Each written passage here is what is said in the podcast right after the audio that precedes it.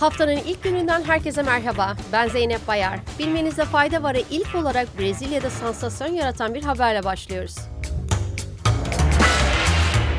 Brezilya'da başkanlık seçimlerini kaybeden eski devlet başkanı Jair Bolsonaro'nun taraftarları başkentteki kongre binasını ve başkanlık sarayını bastı.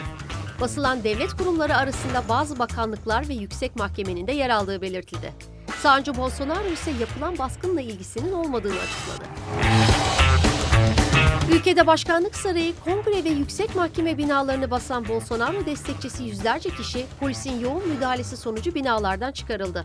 Seçim sonuçlarını kabul etmeyen Bolsonaro taraftarları aylardır kongre binası önünde eylemdeydi. Taraftarlar bu yönde bir delil olmamasına karşın seçimlerde hile yapıldığına dair iddialarda bulundu. Brezilya'da 30 Ekim 2022'de düzenlenen ikinci tur devlet başkanlığı seçiminde sol görüşlü eski devlet başkanı Luiz Inácio Lula da Silva %50,9, aşırı sağcı Bolsonaro ise %49,1 oy almıştı. Ant Group'tan gelen yeni bir açıklama ile devam ediyoruz. Çinli iş insanı Jack Ma, kurucusu olduğu Ant Group'taki kontrol haklarını devredeceğini bildirdi. Ma'nın şirket üzerinde doğrudan kontrolünün sona ereceği düzenlemeyle şirketin halka arzının erteleneceği açıklandı. Ana ortakların oy haklarını bağımsız olarak kullanacaklarının vurgulandığı açıklamada düzenlemenin ortakların hisse dağılımını ve ekonomik çıkarlarını etkilemeyeceği kaydedildi. Şirketin bu kararı öncesinde neler yaşanmıştı gelin birlikte hatırlayalım. Çinli internet şirketi Alibaba'nın kurucusu olan Ma, Ekim 2020'de Çin'deki piyasa düzenleyici kurumları ve kamu bankalarını eleştiren konuşmasının ardından gizli bir şekilde ortadan kaybolmuş ve uzun zaman kamuoyunun önüne çıkmamıştı. Olayın ardından Ant Group'un Ekim 2020'de Hong Kong ve Şangay borsalarında yapmayı planladığı 39,7 milyar dolar gelir getirmesi beklenen halka arzı hükümet tarafından durdurulmuştu. Twitter CEO'su Elon Musk'tan kötü bir haber var. 7500 çalışanının yaklaşık 5000 ile yollarını ayıran Twitter'da işten çıkarmalar devam ediyor. Twitter içerik denetimi, nefret söylemleri ve devlet medyası konuları ile ilgilenen çalışanlarından bazılarını işten çıkarma kararı aldığını açıkladı.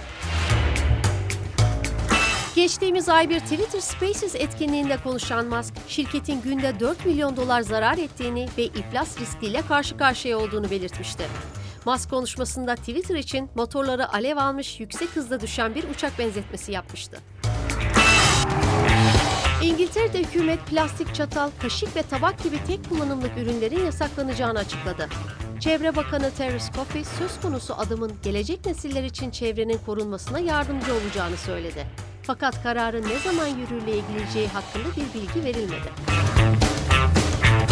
Resmi verilere göre İngiltere'de her yıl 1 milyar tek kullanımlık tabak ve 4 milyardan fazla plastik çatal ve kaşık kullanılıyor. İskoçya ve Galler'de hala hazırda bu yasağın kullanıldığını söylememizde fayda var. Avukatları piyasadan silmeye hazırlanan ilginç bir haberle noktalıyoruz. Yapay zeka teknolojisi ABD'de Şubat ayında görülecek bir davada hukuk danışmanlığı hizmetinde kullanılacak. Yapay zekanın Şubat ayında mahkeme salonundaki konuşmaları dinleyeceği ve dava sırasında sanığa kulaklık aracılığıyla danışmanlık yapacağı bildirildi. Dünyanın birçok ülkesinde telefonların mahkemelere girişi yasaklanmış durumda. Yapay zeka teknolojisini geliştiren Do Bey şirketi, telefon kısıtlamalarını aşmak için kulaklık vasıtasıyla izin verilen dinleme erişim standartlarını kullanacaklarını belirtti. Şirket ayrıca mahkemenin yeri ve sanığın isminin gizli tutulduğunu açıkladı. Bilmenizde fayda varın bugünkü bölümünün sonuna geldik. Yarın tekrar görüşmek üzere. Hoşçakalın.